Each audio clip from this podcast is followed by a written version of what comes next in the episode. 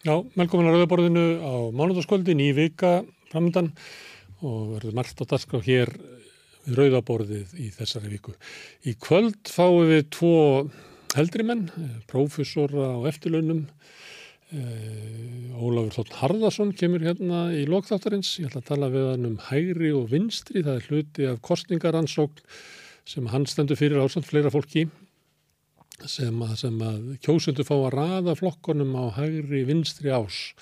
Og þar kemur meðal fram á síðustu árum hefur Vafki verið á hraðleið til hægri viðreist reyndar á ekki kannski jafn hraðleið til vinstri eða í aftina miðjunni.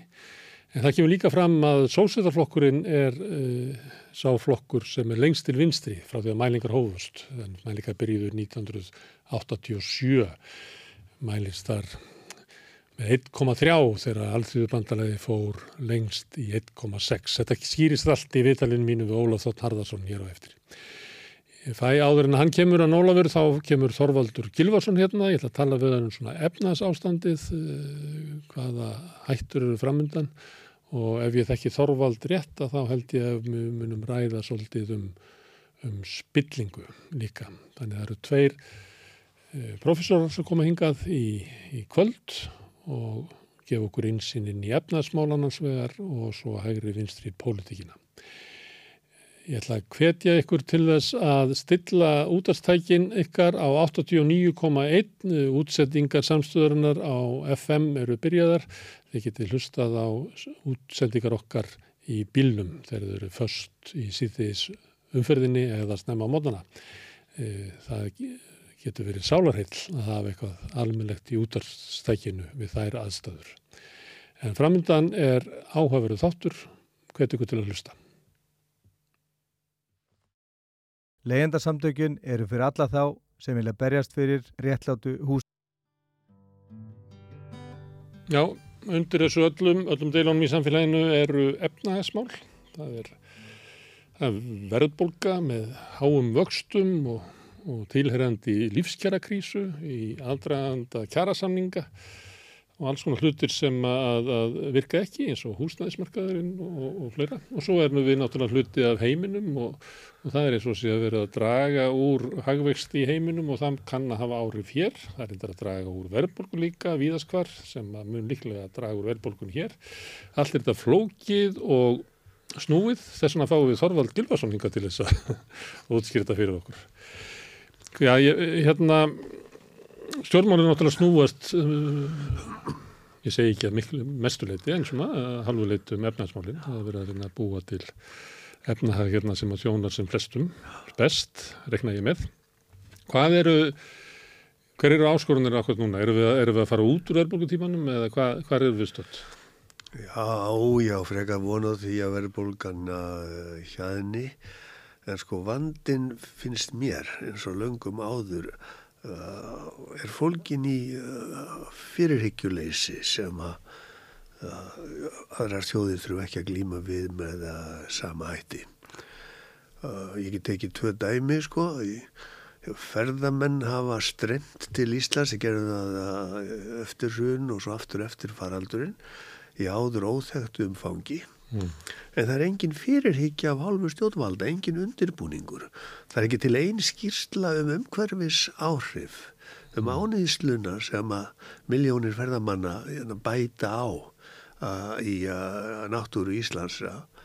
Og það er sem enn, skengi þess ekki þanga eða hafa ekki áhyggjur af þessu eða haldi bara þetta reddist eða eitthvað slíkt. Stundur heldur maður að stjórnvöld teljiði ekki vera sitt hlutur ekki að stýra þessu, þetta er sert á móti, þá verður þau að láta þetta vera, láta þetta þróast bara eins og þetta vill. Já, komum að því aftur og eftir. Uh -huh. Hitt dæmi sem við langar að tala um er, er flottamanna strömmurinn hingað að sömurleiðis, engin fyrirhyggja heldur bara ákvarðanir sem einhverjir uh, ofnbæri starfsmenn út í bæ taka að því virðist af uh, handahófi og án aðhalds og eftirlits það er engin skýr stefnumótun og engin skýra, engar skýra vísbendingar um að við fylgjum sko í góðum fordæmum frá útlandum og reynum að varast að vond fordæmi og uh, þriðadæmi sem ekki tekið er viðbrögðin við uh, faraldrinum. Mm. Uh, sko, helbriðistjættinnar mega eiga það og verðskulda lof fyrir það hversu vel þær tóku á uh, vandanum. Og það sínist mér bara að stafa að einhverju jafnvel miklu leiti af því að þrý ekki fekk að vera í friði. Mm. stjórnmálamennir lögði ekki inn á þann vettvangu hefði eflaust sko valdi skada þar ef þeir hefðu reynd það En efnahagsviðbröðin, þau voru algjörlega vanhugsuð. Engin fyrirhyggja þar heldur. Norðmenn letu búa til stóra skýrslu sem að kortlagði vandan bara með hraði. Þannig að, að sko, útgjöldum almannavaldsins til þeirra sem að, að sköðuðust af faraldrinum efnahagslega voru vandlega undirbúin. Hér var ekkert slikt í gangi. Hér var bara mókað út peningum til að hægur og vinstri og stundum var það þannig bara að, að viðtækandunum hérna, að greitu bara sömu fjárað út í arð til eiganda sinna mm. um leið. Nokkuð sem að gerðist hvergi annar staðar. Mm. Og það er þetta fyrirhyggjuleysi sem endur speglar sko einhvern veginn metnaðarleysi og settu þið nú í spór þeirra sem stjórna. Þeim er sagt það upp á hvern einasta dag mm. að stjórnmála settin sé vanhæf og spilt hvaða líðan heldur þú að það skapi í þessum hópum? Heldur, heldur þú að það skapi metna til þess að gera betur eða bara meiri áhuga á því að milja undir sig og sína áður en þau verða rækinn burt? Mm. Og sér nú er að tala um Rúsland einaferðin enn. Mm. Því þannig er Rúsland, nema hér er ekki engum vopnavaldi til að dreifa sem betur fer. Mm. Og, og þetta er mjög skalegt og þetta er bara partur af skýringun og því hvers vegna verðbólgan er meiri hér núna og, og, og hjanar hægar en uh, í uh, löndunum kringum okkur sem er sérstaklega vandræðilegt vegna þess að Ísland er uh, mesta verðbólgu bæli uh, meðan allra OECD-landan 38 sem við byrjum okkur helst saman við uh, allar götur frá 1960, ég meina 60 ár mm. með bara einn undantekningu sem er Tyrklandi og þess vegna ættum við að vera nógu brend af skaðsemi verðbólgunar á fyrirtíð til þess að, að, að fara varlega. En ég sé engin skýrmerki þess. Mér er að segja lýsi fjármálar á þeirra því yfir að, að fjármálar aðnættinu komi verðbólg ekki við. Mm. og Sælabankin er fastur í gömlu fari og sér ekkert um að vaksta hækanir Hvað fannst þér um þá yfirlýsingu ráðurans? og nexlanleg mm. og hún var algjörlega nexlanleg sko verðbólgan er örðru vísi og hún er skilin öðrum skilningi núna enn á fyrirtíð mm. og það er vegna þess að á fyrirtíð höfðu menn engar áhyggjur af misskiptingu en núna er misskiptingin bara komin í framsætið í allari skinsamlegri uh, efnahagsumræðu mm.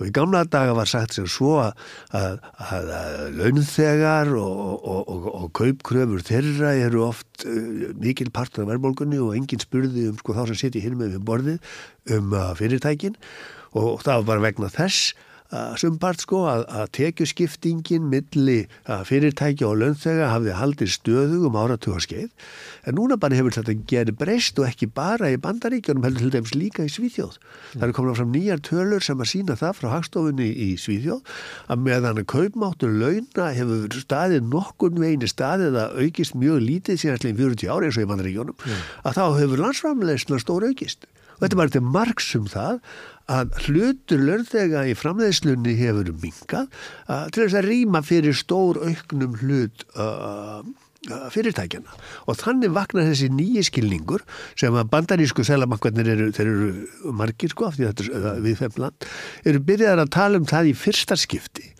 að kostnaðaverðbólga sem var rakin til sko kaupkrafna lönnþega á fyrir tíð að hún er núna í enn ríkari mæli runnin af rótum uh, sko uh, frekju fyrirtækjana. Mm. Það er að segja kröfum þeirra um sífælt hærri laun herra markveldi af uh, venjulegum uh, launum fólksins á gólfinu og, og, og, og meiri argreðslur. Mm. Og þess vegna ber selaböngum skilda til þess, eins og bandarísku selabankandur eru byrjað að gera, að, að mæla með ráðstöfunum til þess að takast á við misskiptinguna og lækka rostan í, í fyrirtækjónum sem eru svona uh, frek til fjárins. Mm.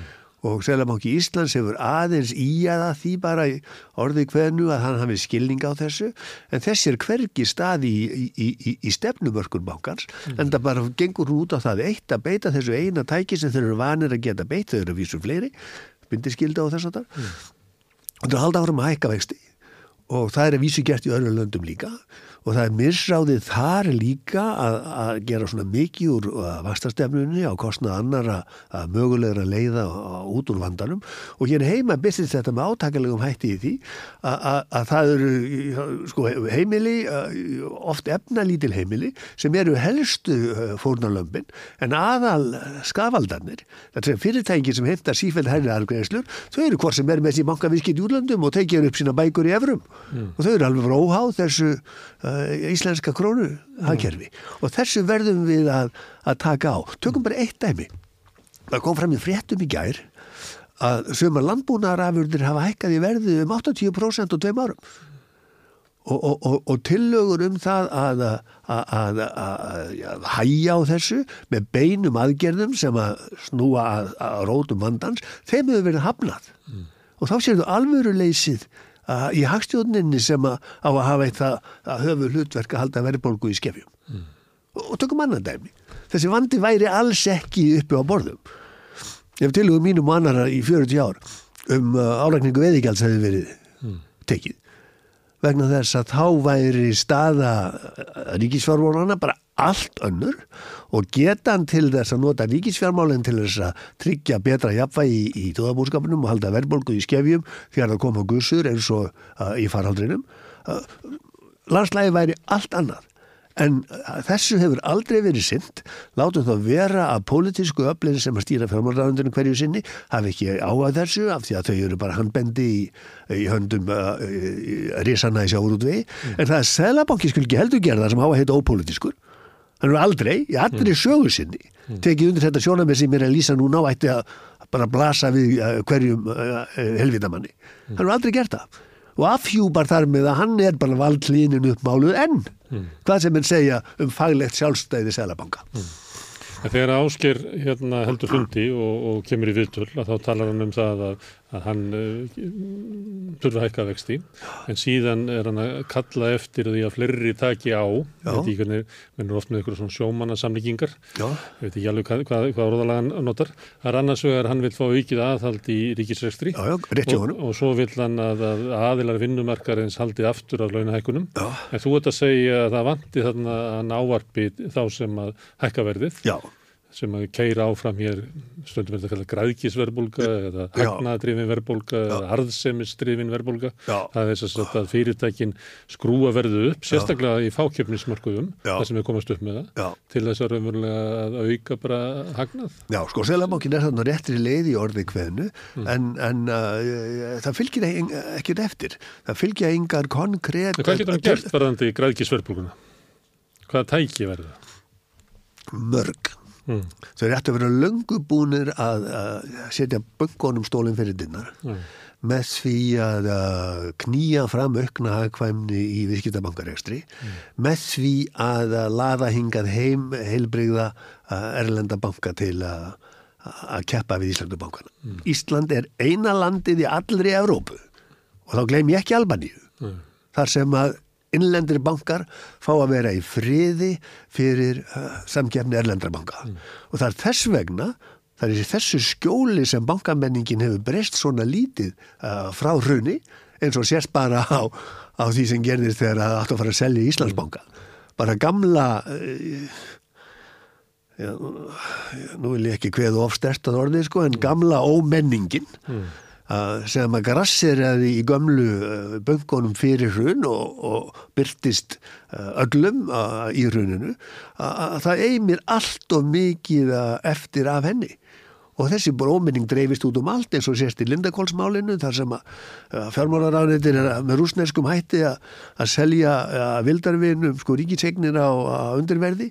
Þannig að svo mikið gengur á að málið komið til ríkisaksóknara mm. og nú bara vona ég að hann uh, horfi ekki hinn áttina eða eins og hann virðist alltaf að gera í Samverjamálinu þannig að það er mikið undir sko Og eins og hann líka Já. neittu til þess að gera í mörgum hrunmálum því að það Já, var já, ég bara kipt stólnum undan þessu manni Já, já, með því að, draga úr öllum fjárvitingum þannig að hann gæti ekki rannsakað öll mál Já, eða já. að- að- ekki til- hafi rannsókn á nýjum málum. já, já og þá sérðu hvernig þetta fyrirhyggjuleysi sem að mér finnst vera svo uh, snar uh, partur af vandanum hvernig það dreifist út sko Það er svo öll stjórnsíslan er undirlögð, þetta er ekki lengur bara spurningum einhverju fórustumenn í stjórnmálum og, og mér að dómskerfið er undir að, og réttarkerfið allt sko, það er vaksandi tortrygni gegn lögreglu og, og, og saksóknurum og þetta er Úsland. Mm. Já. Þú ert eiginlega að segja það að við erum ekki í efnaserfileikum heldur efnaserfileikan er afleiðing af öðrum erfileikum sem við stöndum í Já. sem er spilling og, og Já, þannig þetta er byrtingamind. þú ætti kannski að tala við djúb sálarfræðinga líka og ekki bara hagfræðinga. Herðu, en þú nefndir hann að ferðarþjónustuna og hefur ekki verið gerð könnun á því hvernig hún, hérna, hvaða álag hún veldur náttúrunni. Já, En það hefur líka verið svona verið að horfa á það undarfærið að með svona ofþenslu hennar, þar sem hún bara vex og vex og vex, að þá sé verið að svolítið að breyta samfélaginu að vera kannski í átt sem að kannski engi vill, það er verið að búa til hér mjög fjölmunna lálunastjætt sem að ferðarþjónustan miða við svona arðsemi hennar út um allar heim, getur ekki borga há laun, en við eins og að búum í mjög dýrulandi, þannig við erum að fjölga stórkostlega láttöki fólki Já, já. sem að mun eiga í erfileikum með hann á endur saman. já, já, og, og, og sjáðu, það er, engin, það er ekki til ein uh, skinsamleg skýrsla um þetta Nei. sem kortlegur þetta og, og reynir að sjá uh, fyrir þróunin og, og leggja á ráðin um hvernig uh, rétt sé að uh, bregðast við henni. Og, og, og þetta er einmitt eitt fyrsta dæmið um fyrirreikileysi sem ég tók í upphafi uh, okkar samtals. Og þarna bara er stjórnsýslan svo allt öðruvísi uh, innréttuð hér heldur en í uh, löndunum í kringum okkur. Og þetta er bara uh, ein myndbyrting þess hvernig Ísland er að, að smá saman að segja sig úr uh, lögum við uh, Norðurlöndin hinn sko. Ég, ég fjallaði hérna á frétta vef samstöðurinnar að bera saman kjör hér láluna fólks Já. eh, og bera þá saman lægstu verkamannunum hér saman við hérna til dæmis lámaslönd sem er í Sviss. Það- Þau setja lámaslönd, það er ekki það sama yfir allar hérna kantonunar og allar borginnar en, en það sem að það er svona nálægt 600 krónum á mánuði á Íslandi. Já, Og það eru náttúrulega viðbröð við ástandinu sem ég verið að lýsa á þann að, að þegar þú ert með dýrt land að þá hérna, þarf það að gera eitthvað aðgerðir til þess að, að verja þá sem eru með nægstu tekjunar og þeir hafa farið í þá leiðin að það eru 50% herri eða 47% minni mig herri sko lámaslönin þar heldur hér já, já. og þar leiðandi er afkoma þeirra sem eru á lægstu laununum miklu betri í Sviss þó svo að verðla í Sviss í eilítið herri en í okkur. já, já. Og sér ein myndbyrting vandan sem ég er að tala um er, er þessi, Já. að hér að þú blamaðurinn leggjast yfir þetta. Hvernig er þetta ekki allt saman á, á, á, á Hagstof Íslands? Nei, ég veit ekki. Og með því að ég held að, að Sviss eh, að sumuleiti er líkt og, og, og Ísland. Það er, er óheirlu fjöldi af erlendu verkafólki sem er að vinna þar hérna lálunastörfin. En þetta eru viðbröð sem að það samfélag hefur gert til þess að mæta þessum vanda sem við vorum að lýsa á. Já, já. Sko í Sviss er það þannig að 28% af íbúanum eru fættir erlendis, Já. En hér er hlutfallega núna 20%. Já, við erum bara Og erum í samskonar já. samfélagsgerð og Sviss. já, já, já, já. Við erum ekki með sömu lausnindar. Já, já, en eitt af því sem að sko bætir hag uh, þess að aðflutta láluna fólks í Sviss að það er stöðuleikin sem að uh, svisslendingar geta tryggt sér án þess að vera partur af Európusambandinu og Efrunni bara vegna þess að þeir hafa áratuga reynslu af uh, föstum tökum við hagstjónina þannig að verðbólga hefur aldrei verið vandamáli Sviss. Mm. og, og, og, og ég hef ekki fólk í Sviss sem að að borgar sömu leigu í, uh, fyrir íbúð á hverju mánuði. Í svissniku fröngum talið í, uh, eins og gerði fyrir, eins og gerði fyrir 20 árum. Svo, það, það er bara ólíkur saman að jafna og, og Sviss er eitt þeirra landar sem Íslendinga mættu gjarnan líta til sko að, að, að fyrirmyndum Já. Þú nefndi fyriríkileysi varandi flotta fólk. Já. Það er náttúrulega hafa stjórnvöld bóðið ynga fólki, Já. ekki bara frá Úgrænu heldur líka Venezuela. já, já. En það er engar aðgerðir til þess að, að mæta því að þetta fólk búi ykkur staðar. Nei, nei.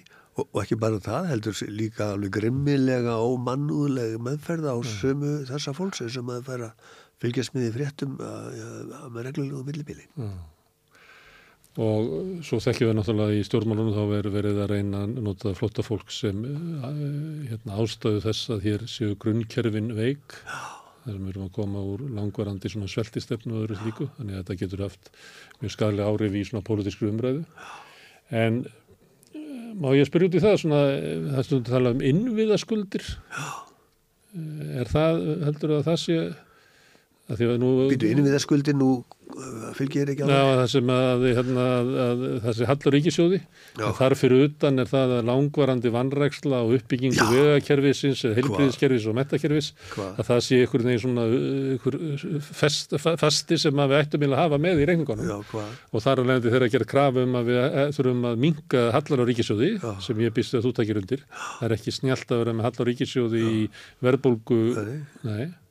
En þá verður að hafa í huga að, að, að, að, að, að við skuldum raunverulega ríkisútgjöld. Mikið lóskum, alveg hárið, ég hef ekki hérst þetta orðað, orðað svona Já. áður. Sjáðu, mér verður svolítið tíðrætt úr Rúsland að förum yfir hafið til Bandaríkjana. Já. Ég ætla að segja þér östut að sögu þaðan og byrðum að réttu pöntur og sér það að ég er að tala um Ísland. Já, Sjáðu undir stjórn republikana fyrst bussfeðgana, einhverjum bussyngra og svo undir stjórn Trumps að þá uh, bar á því að þeir vildu stjórna ganggert til þess að spilla innviðum. Þeir settu til dæmi sko oljufursta yfir umhverfisráðnetið og þannig máttu, má fara sko hérna, frá einni stjórnsýslu einingu til annarar. Mm. Bladamenn og, og stjórnmálafræðingar hafa skrifað um þetta margar uh, bækur. Mm. Einn bókin hétu Wrecking Crew sem er lýsing á stálkúlonu sem er notað til þess að, að, að brjóta niður uh, steinhús.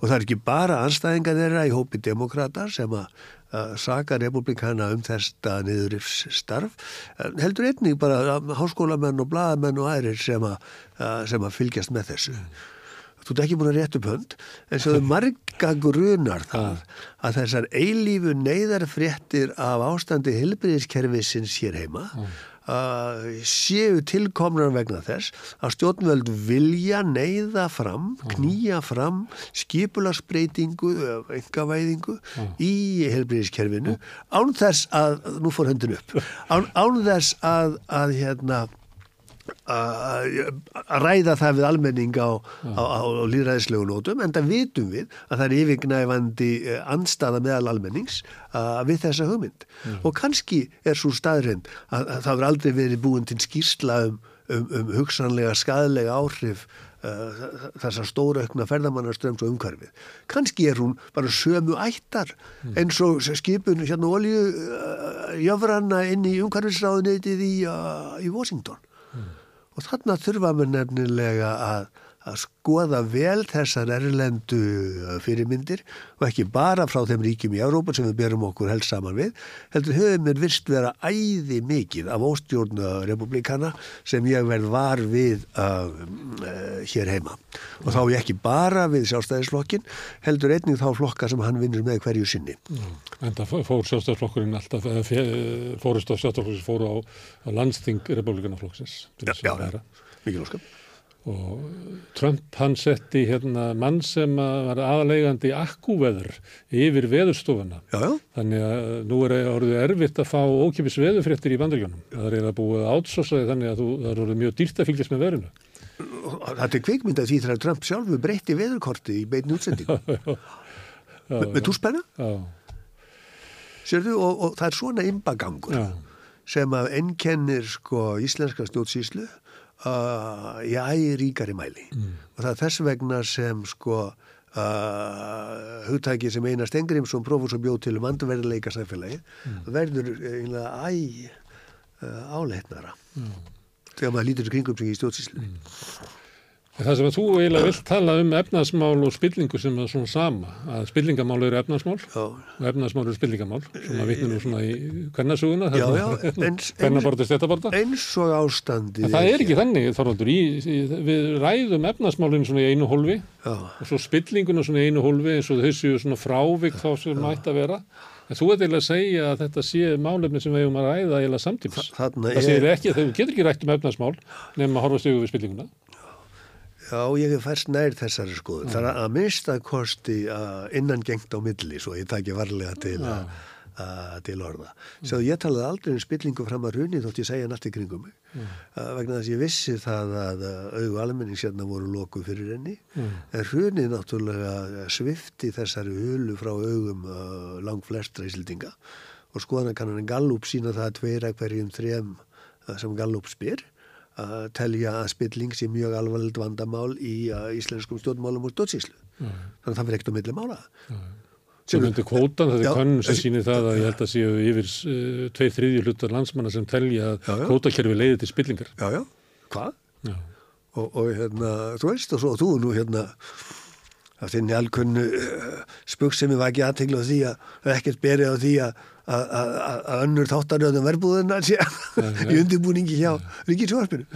Ég er reynda grunum að hún sé í undirbúningi. Nú, jæja, þá ég veistu allt í ég. einu svona grunum daginn. Nú, það gleður. Já, það væri allavega svona eitthvað aðeins byrjað að hugsa um það. Ha. Já, með, öðrum orðum sjáðu að hérna í- það er náttúrulega voðaleg tilhugsun sko ef að þessi mennsemd sem að ég er að lýsa hvernig hefur dreifst út um sjálfsýsluna ef hún fyrir að, að ná inn í menningalífi líka. Sko ef að hérna, þrálátar uh, röksemdur um að uh, ríkisútvarp allra landsmanna sko sé að uh, einhverju leiti þáttakandi í þessu þá er það mjög óþægileg tilhúsun. Sérstaklega við látum fréttastofun að vera og hún er umdel sko, en þú veist ef að hérna, menningarparturinn af ríkisjónvarpinu er farin að draga dám af þessu, svo sannlega gerir í Rúslandi, en ekki sko á heldina litið í uh, bandaríkjónum og þarna eru mjög hérna, varasamar fyrirmyndir sem við þurfum að vera meðvituð um sko. Hérna víða um heim, þá eru snúa stjórnmálin um, um spillingu, um uh, elitustjórnmál, um að sko stjórnmálinu ætti að þjóna almenningi. Já, Og uh, þú þekkir það að þetta hefur ekki síst verið sko farfur fyrir uh, hérna til dæmis Meloni og Ítalíu að komast til valda. hvað? Það er nú kollegi þinn, hagfræðingur sem að fekk flest atkvað í Argentínu, Já, ótrúlega undalögu maður Já, sem að vill, vill ekki banna fólki það að selja börni sín. Já, já, já. Hann, hann er, Það er svona einhver argentinskur trömpisti eða hvað? já, bara eitthvað úldra nýfrjálsvíkjum maður, ég bara eh, alltaf séð annað eins þegar maður lesum hann, ég Og þess Og er, og er, og er hann hagfræðingur að ment? Hann er hagfræðingur, var með hérna fór og ég. hefur verið ráðgjafi alls konar hérna fyrirbriða. Já, já, já. En hann hérna, ég þessi hann fekk betur 30% það nú, ég held að sé ekki til líklegt að hann muni vinna fyrstakostningarnar. Af því þetta er svona fórkostningar sem eru og bæði til þess að fækka frambjóðundum og líka til þess að stóru blokkirnar velji sér sinn frambjóðanda og ég held að séu flesti sem álita önnu hvort stóru blokkana muni fá uh, vinna kostningarnar. En hann kemur, þetta er bara það var 30% fylgi með því að koma svona out of the blue uh, hérna gegn uh, ríkjandi elitu og ástandi með hérna það sé allt saman gerspilt og að hann sé lausnin. Það er voðalegt. Argentína er náttúrulega jana, sorgum vafi land langt eftir í tíma, sko, það bráir af þeim á milli en svo fyrir alltaf aft, aftur á uh, versta veg, sko. Það er 120% verðbólgaður núna. Já, það er voðalegt alveg. Já. Menn heldur að menn væri konir í, fyrir, sko, kominir í að kyrra sjó, sko, í, og það myndi endast. Ég held það, ég vonaði það. En uh, nú sé ég að svo er ekki. En sjáðu þegar svona hérna, öfgamenn frá 30% fylgi, að þá náttúrulega þýðir að það að hinir eru með 70% fylgi Já.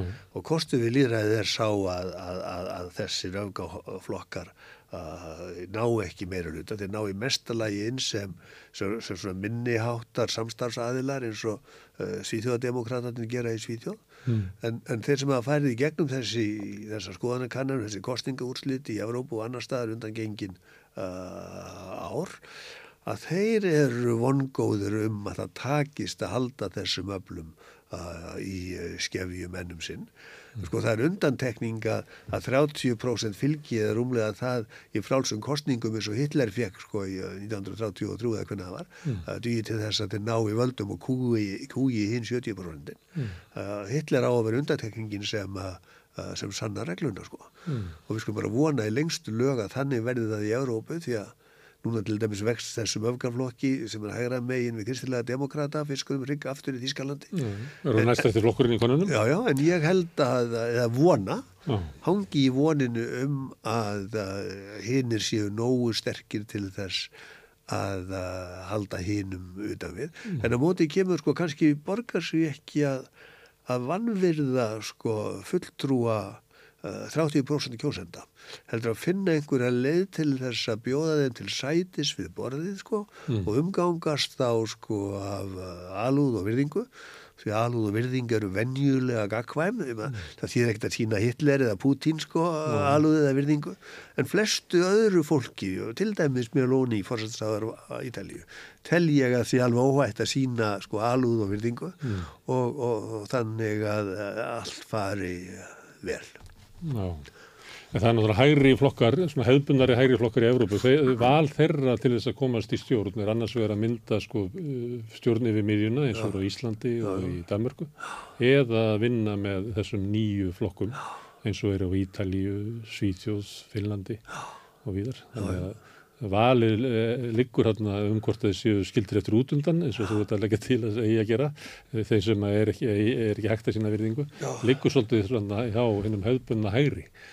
Já, já, En það sem ég ætlaði nú ekki að rukka þau um þetta ástand, heldur það sem að mjög dætt í hug þú veist að tala, að, að þetta er ástand sem er víða uh, um heim en, og getur af sér þessa niðurstöðu sem að ég býst ekki við að þér hugnist, þannig að ég er að velta fyrir mér hvort að hérna, að sé eitthvað leiti vandasamt að tala um sko spillingu stjórnvalda og hvort að við þurfum að finna einhverja leið til þess að gera það til þess að það verði árangusríkara heldur en að skapa sko grundvöld fyrir einhverja svona uh, populista frá hægri.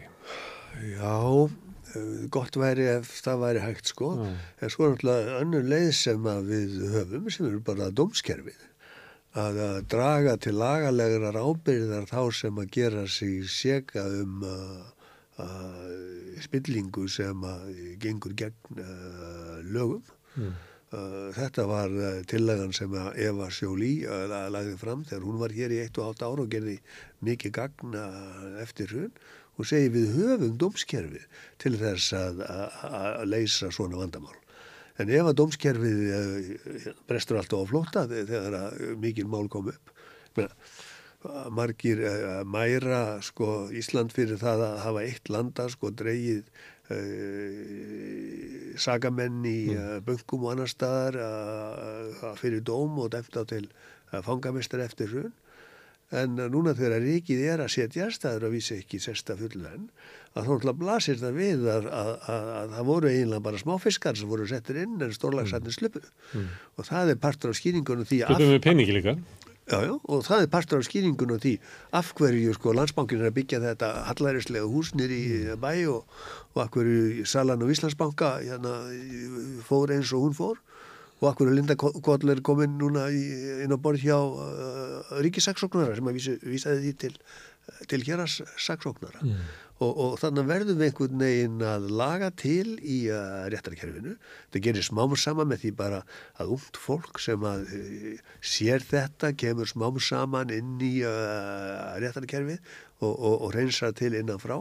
En það er svo litið sinnlega aðferð og best væri að fá snjalla lögfræðinga til þess að, að höfða mál sem duga til þess að, að draga menn til ábyrðar og þess vegna er það svo merkilegt sem er að gerist í bandaríkjunum núna því við færumst æ nær þeirri niðurstöðu að fyrirvændi fórseti bandaríkjana verði neftur í, uh, í fangelsi og fái þunga dóma fyrir aðskiljanlega lögbrot. Margir af hans nánustu samtalsmönnum hafa þegar fengið dóma og setið inni. Og núna eru margir þeirra uh, 20 eitthvað uh, sem að, er verið að draga fyrir dóm og sjáðu til að ef að þetta tekst að þá bara breytist landslægið um allan heim, þá sjá menn að jáfnveil fórseti bandaríkjana þarf að sitja við sama borð fyrir domstólum eins og annað fólk mm. og þá getur við ímyndaði hvort að verður ekki meiri áhugi og meiri e, von til þess að hægt sé að láta réttlætið ganga fram gegn elídónum hvort sem það er í stjórnmálum eða viðskiptum. Mm. Og við tala nú ekki um ef að rússar tapar stríðun í Ukrænu eins og ég og vonuð að geri og Putin fær maglega málagjöld mm. að þá mun þessi hérna, bjarsýnis alda að rýsa ennherra mm. í uh, okkar uh, heimsluta og uh, hringin í kringum heiminn og þetta getur bara verið að gerast á allra næstu mánuðum og misserum. Þú heyrður að ég er bjarsýn. Já, ég heyri það. Herðu, hérna, talandur spilling á Íslandi, stjórnarskráin, þú, hérna, ég ætla að vera fyrri að nefna hana, þú nefnir hana ofta undan mér í sandinum okkar. Hérna, ég heyriði Eirík Bergmann sem hafa satt með þér í stjórnlaga ráði, leggja það til að það erði búið til nýtt stjórnlaga þing sem að fengi, hvað er að segja, frumvarfi frá ykkur. Reyndar hann lagði áherslu á að það væri með uh, einhverjum vinnu sem hefði farið fram í þinginu, meðan uh, myndi fylgja með. Hann lagði til að þingið yrði slembivelið vel hutta. Minnið mig að hann að það veri 44 slembiveldir, síðan kæmi 22 frá þingi. Þetta er svona hans til að til þess að höggva á þennan hnút. Má bjóða þær hanna? Ég vil nú heldur leysa hnúta en höggva á þá, svona almennt og yfirleitt. Ég sé fyrir mér að tillaga Eiríks eða tillagur af áþekkum toga gætu orði lendingin mm.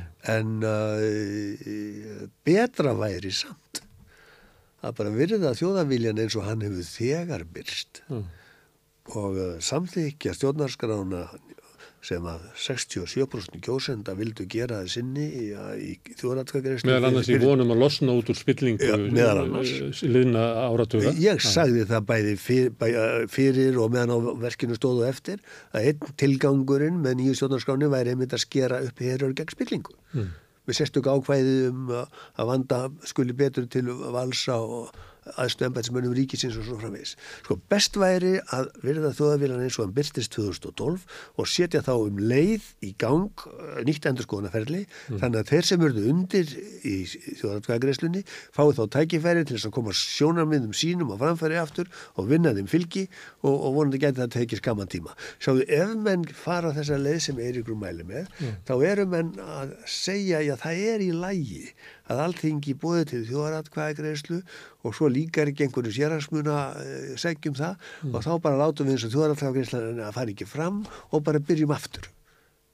Mm. umgangast ekki úslit alltingiskortinga þannig, mm. en það skar að verða nú. Og, og mér er ekki heldur að, að umgangast úslit þjóðaratkvæðagreysla þannig allra síst þegar um er að ræða þjóðaratkvæðagreyslu um uh, nýja stjórnarskrá.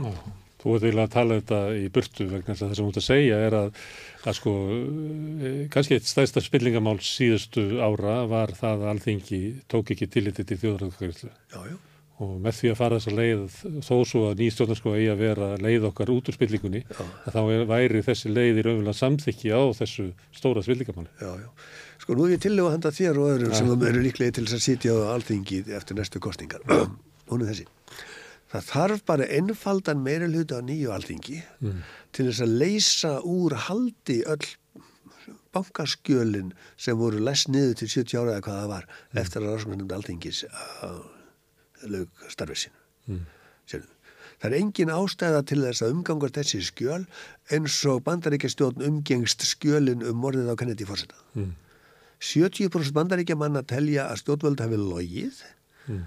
um uh, morðið á Kennedy fórseta 1963 og með þess að bandaníkja þing uh, samþykti með uh, drúum meiri hluta uh, álíktun þess efnis 1979 að það hefði verið samsæri mm. en samt er ennþá uh, sko 60 ánum síðan verið að halda lendum skjölum til þess að venda hvern og það vita allir að bandaríkjastjórn 70% uh, segast vita að bandrækstjórn lígur um álið mm. og sjáður hliðstæðuna. Við viljum ekki þessi halda áfram að ljúa uh, um það sem gerist hérna í bankarhunum mm. uh, veistu hvað getur verið í þessum skjölum sem liggja Nei, í þjóðskjálarsamnu læsnið upplýsingar um það sem rússar voru að gera mm. í böngunum fyrir hrun, í hruninu og eftir hrun. Mm og þá kannski skýringir um því hversun Sælabanki Íslands eh, gerði eh, tilugum þar sem það liggur fyrir mm. að Ísland eh, seldi sig í hendur Putins og Rúsa mm. þessi gögn eru lust, til það, það, það, væri, já, það væri ólöglegt mm. ef það væri búið að þeim setjum þetta allt upp á. Mm. Það leggjum það minnst einhversti í, í dóm hlutlösa manna, helst með, með hjálp útlendinga, að hvort að er einhver skjöld hann inni sem ekki er indi velmenning. Mm. En oppan af þeim þarf að byrta. Mm. Og þá sjáum við hvernig potið var búið og þá erum við líklegri til að geta tekið í réttar ákvarðinu framtíðvörðunar. Og þá verður sagalansins uh, réttar skráð. Réttar skráð. Það er Þorvaldur, gamla fáðið enga. Kæra takkir. Takk fyrir. Við ætlum að halda áfram að nú er það hérna, þátturinn í kvöldir það við tónum bara við uh, professor á eftirlunum og næst kemur Ólafur Þótt Harðarsson og við ætlum að ræða við hann um hægri og vinstri í íslenski politík.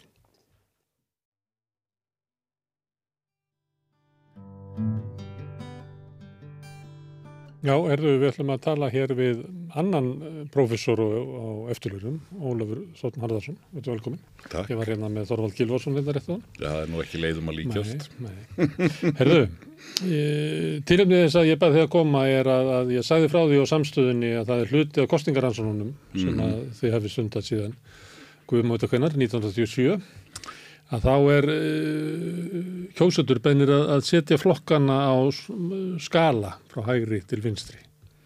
Og mér finnst þetta áhugavert. Kannski að því að, að sósélistandi mælast þarna lengra til vinstri heldur en þú hefur meldt áður. Mm -hmm.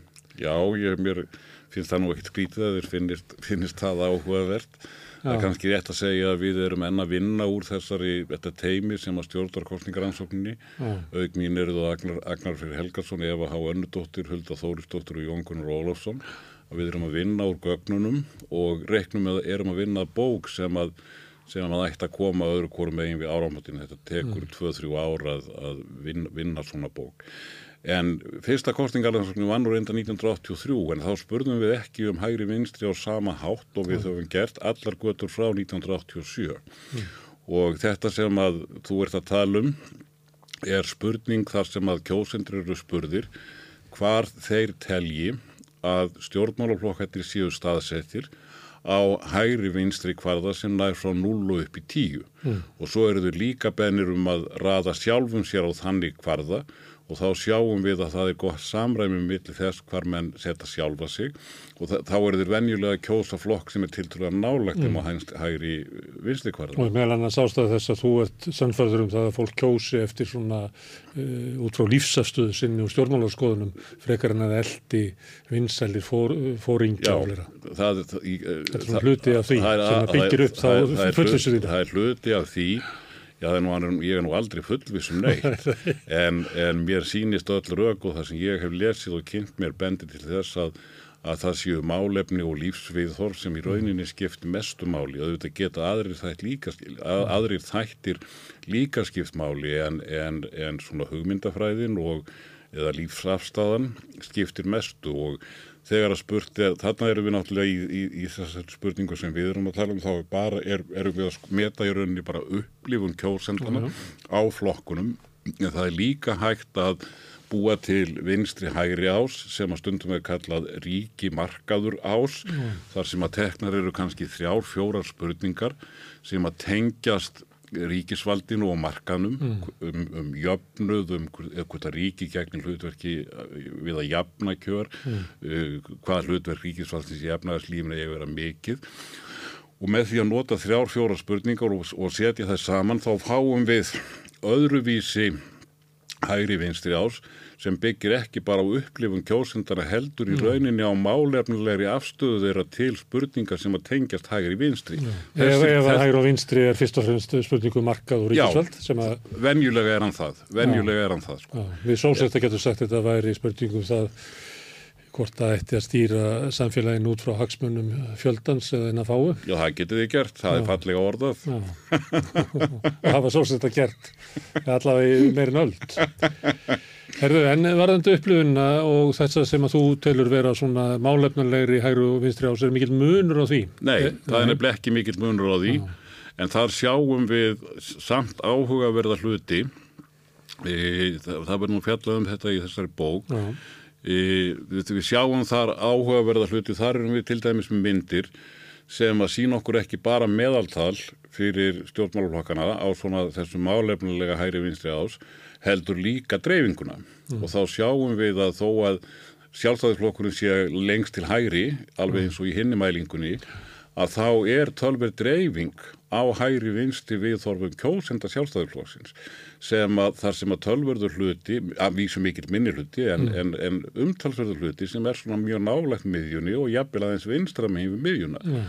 og það er svona áhugavert fyrir þá sem að halda af því að núna eru, er sem sé varðandi stjórnarsamstarfið sko þá eru sérstaklega hægri öflin í, í sjálfstæðisflokknum mm. að gaggrína flokkin fyrir að hann hafi horfið frá sínum grunn gildum í þessar ríkistjórn e, þeir eru raun að kalla eftir harðari hægri stefnu og það er í góðu lagi en þeir þá náttúrulega eiga þeir á hættu að, að missa hópin sem að þeir er hérna næst miðjunni Já. Og við sjáum að við tökum hinn endan á spektrúminni, sósilistaflokkin mm.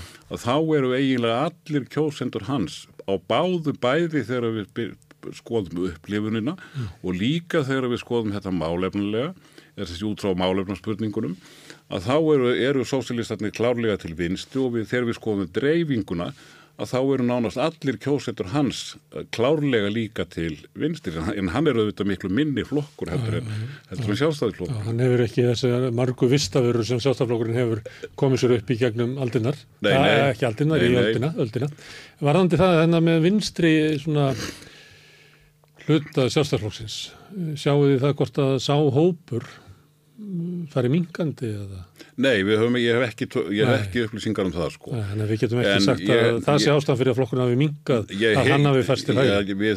Sko, ég þór ekki alveg að fullinu það, ég hef ekki skoðað alveg kerfismundið, en mín tilfinning er svo að meðan að flokkurinn var 40% flokkur, ja. að þá var hann með miklu meira kjósendum sem að voru á miðjunni mm. eða, já, sennileg ekki mikið til vinstri en, en hérna svona á, á miðjunni, þannig að hann hefur þrengst En, en hérna þetta er náttúrulega þróun sem við séum í nákvæmlega við þekkjum gaggrínina frá þessum hópi inn í sjálfstæðarfloknum sem eru svona að vísa til þess að hann hafi verið mildar í flokkurinn, gamli góði í sjálfstæðarflokkurinn er þetta kallað. Já, já. Ragnar Önundarsson og fleiri sem hafa verið að gaggrína fórustuna frá svona miðjunni.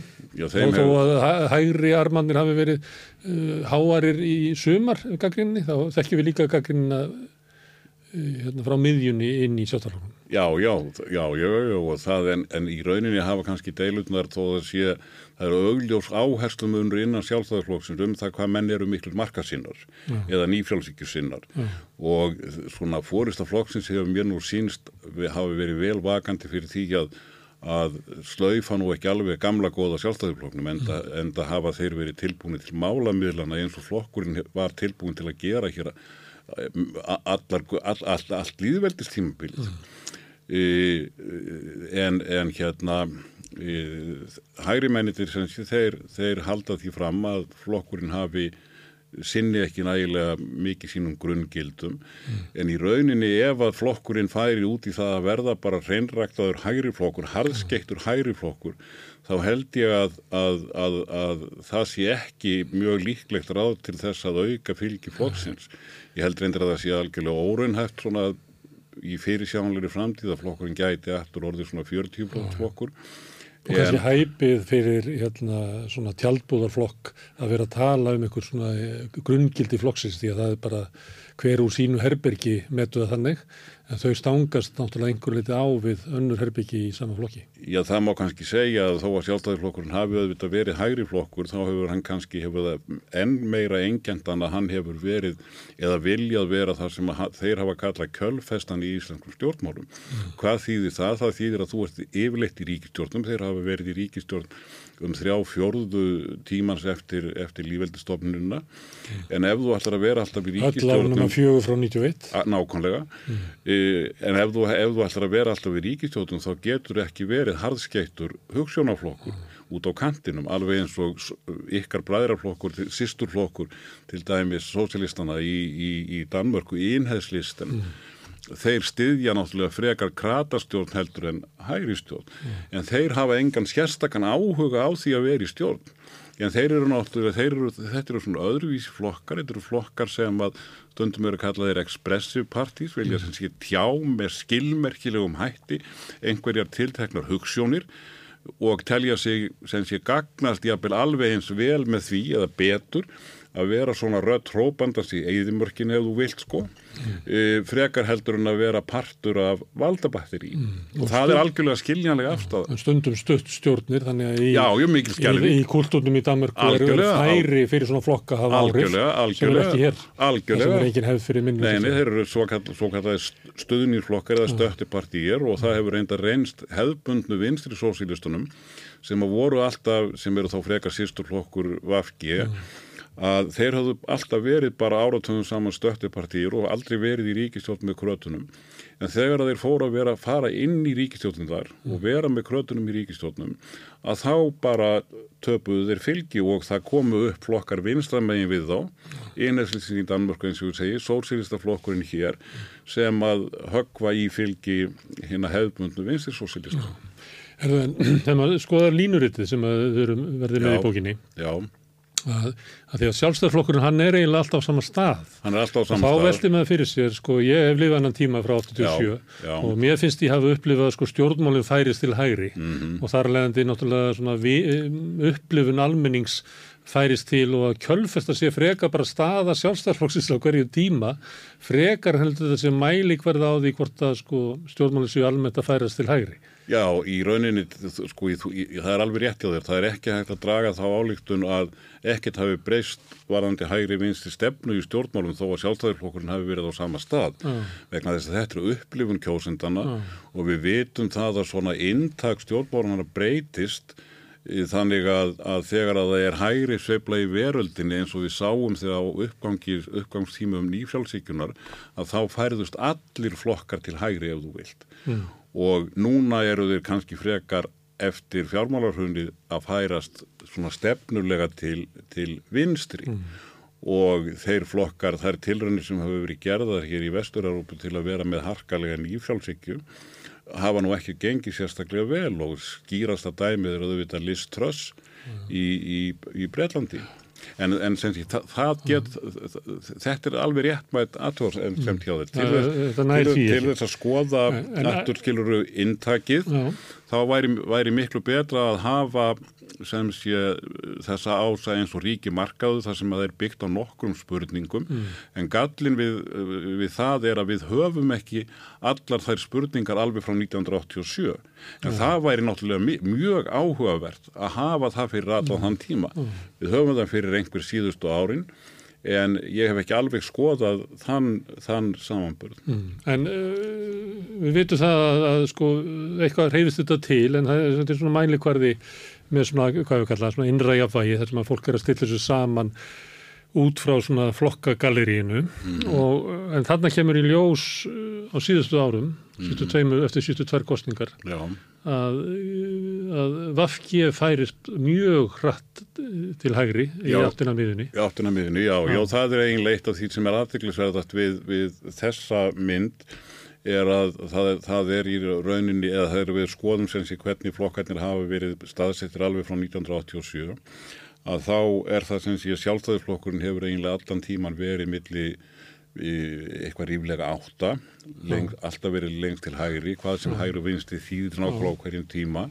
Framsókn er, alltaf á miðjunni, yfirleitt alltaf milli 5 og 6 Uh, Alþýðu bandalagið og, og svo vinstri græn voru eiginlega alltaf milli eða svona í kringum tvo. Já. og í 2017 þá var, var, voru vinstri græn í 2,3 og lengst til vinstri. Uh, en núna 21 þá er, er vinstri græn komin inn á 3,5 eða, eða eitthvað í líkingu við, við það. Þau hafa sem sé færst þarna meira en heilan á þessu 0 til 10 kvarða og það er býstna aðtiklisverð, sérstaklega í ljósi þess að þetta hafði verið svipað allan tíman áður nema reyndar sko e, í fyrstu mælingunni 1987 þá var þá var alltíðu bandalagi með 1,6 eða 1,7 eitthvað svo leiðis sko, en, 1,6. en núna er núna er sósílistaflokkurinn settur í 1,3 Já. þannig að það er alveg rétt sem þú segir að sósílistatnir er að mælast núna eða almenningur upplifir sósílistaflokkin lengra til vinstri heldur en þeir hafa upplifað nokkurt flokk frá því að 87. mælingar hófust. En, 87. en maður sér það þarna að alltíðbandalagi færist að miðjunni, það byrjar í 1,6 Já. og fer síðan yfir 2 Já. á tildulega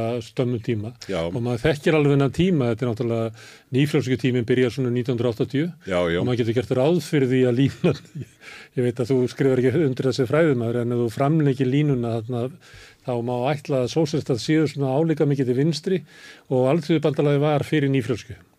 Já, Það svona líka, svona, svona, það má kannski segja það sko, enda náttúrulega fyrir nýjálsíkju, lengst að var sko alþýði bandalagið og þar á undan sósílistaflokkurinn, þetta voru stjórnar andstöðu flokkar. Gamli sósílistaflokkurinn var náttúrulega miklu líkar í hugmyndafræði eh, nú, nýja sósílistaflokknum heldur en alþýði bandalagið enganlega setni árunni. Við sáum líka náttúrulega, ég myndi efnislega segja, við sáum algjörlega þá þróun á alþýði bandalaginu sem að morgunblæði kallaði nú alltaf kommunista að svona þeir voru nú orðnir frákverfir sovjetkommunismanum já, kannski 60, 70, sumir fyrr en það lifði áfram inn í flokknum sovjethollir uh, kommunistar en flokkurinn varð bæði svona, hann fjælst í rauninni miklu meira með árunum á að markaðurinn yrði grundvallar hérna e, væri svona grundvallar atrið í efnagaskerfinu þó að auðvita væri hann eins og krataflokkar á því að það þurfti að tr- trubla markaðinn en hann varð meiri svona, hann varð sem sé, sem sé hann var, hann viðurkendi markaðinn meira.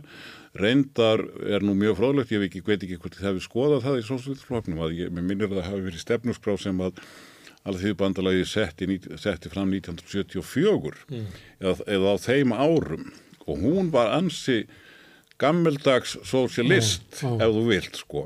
E, en hins vegar þegar ég var að lesa þetta þegar ég var hér að stúdera á þeim tíma sko þá dætt mér nú aldrei í huga að alþjóðbandalagi myndi nokkuð tíma framkvæma þá stefnu í ríkistjórnum því að það gerist líka á þessum tíma að, að alþjóðbandalagi fer að vera meira vera oftar í ríkistjórnum heldur en áður.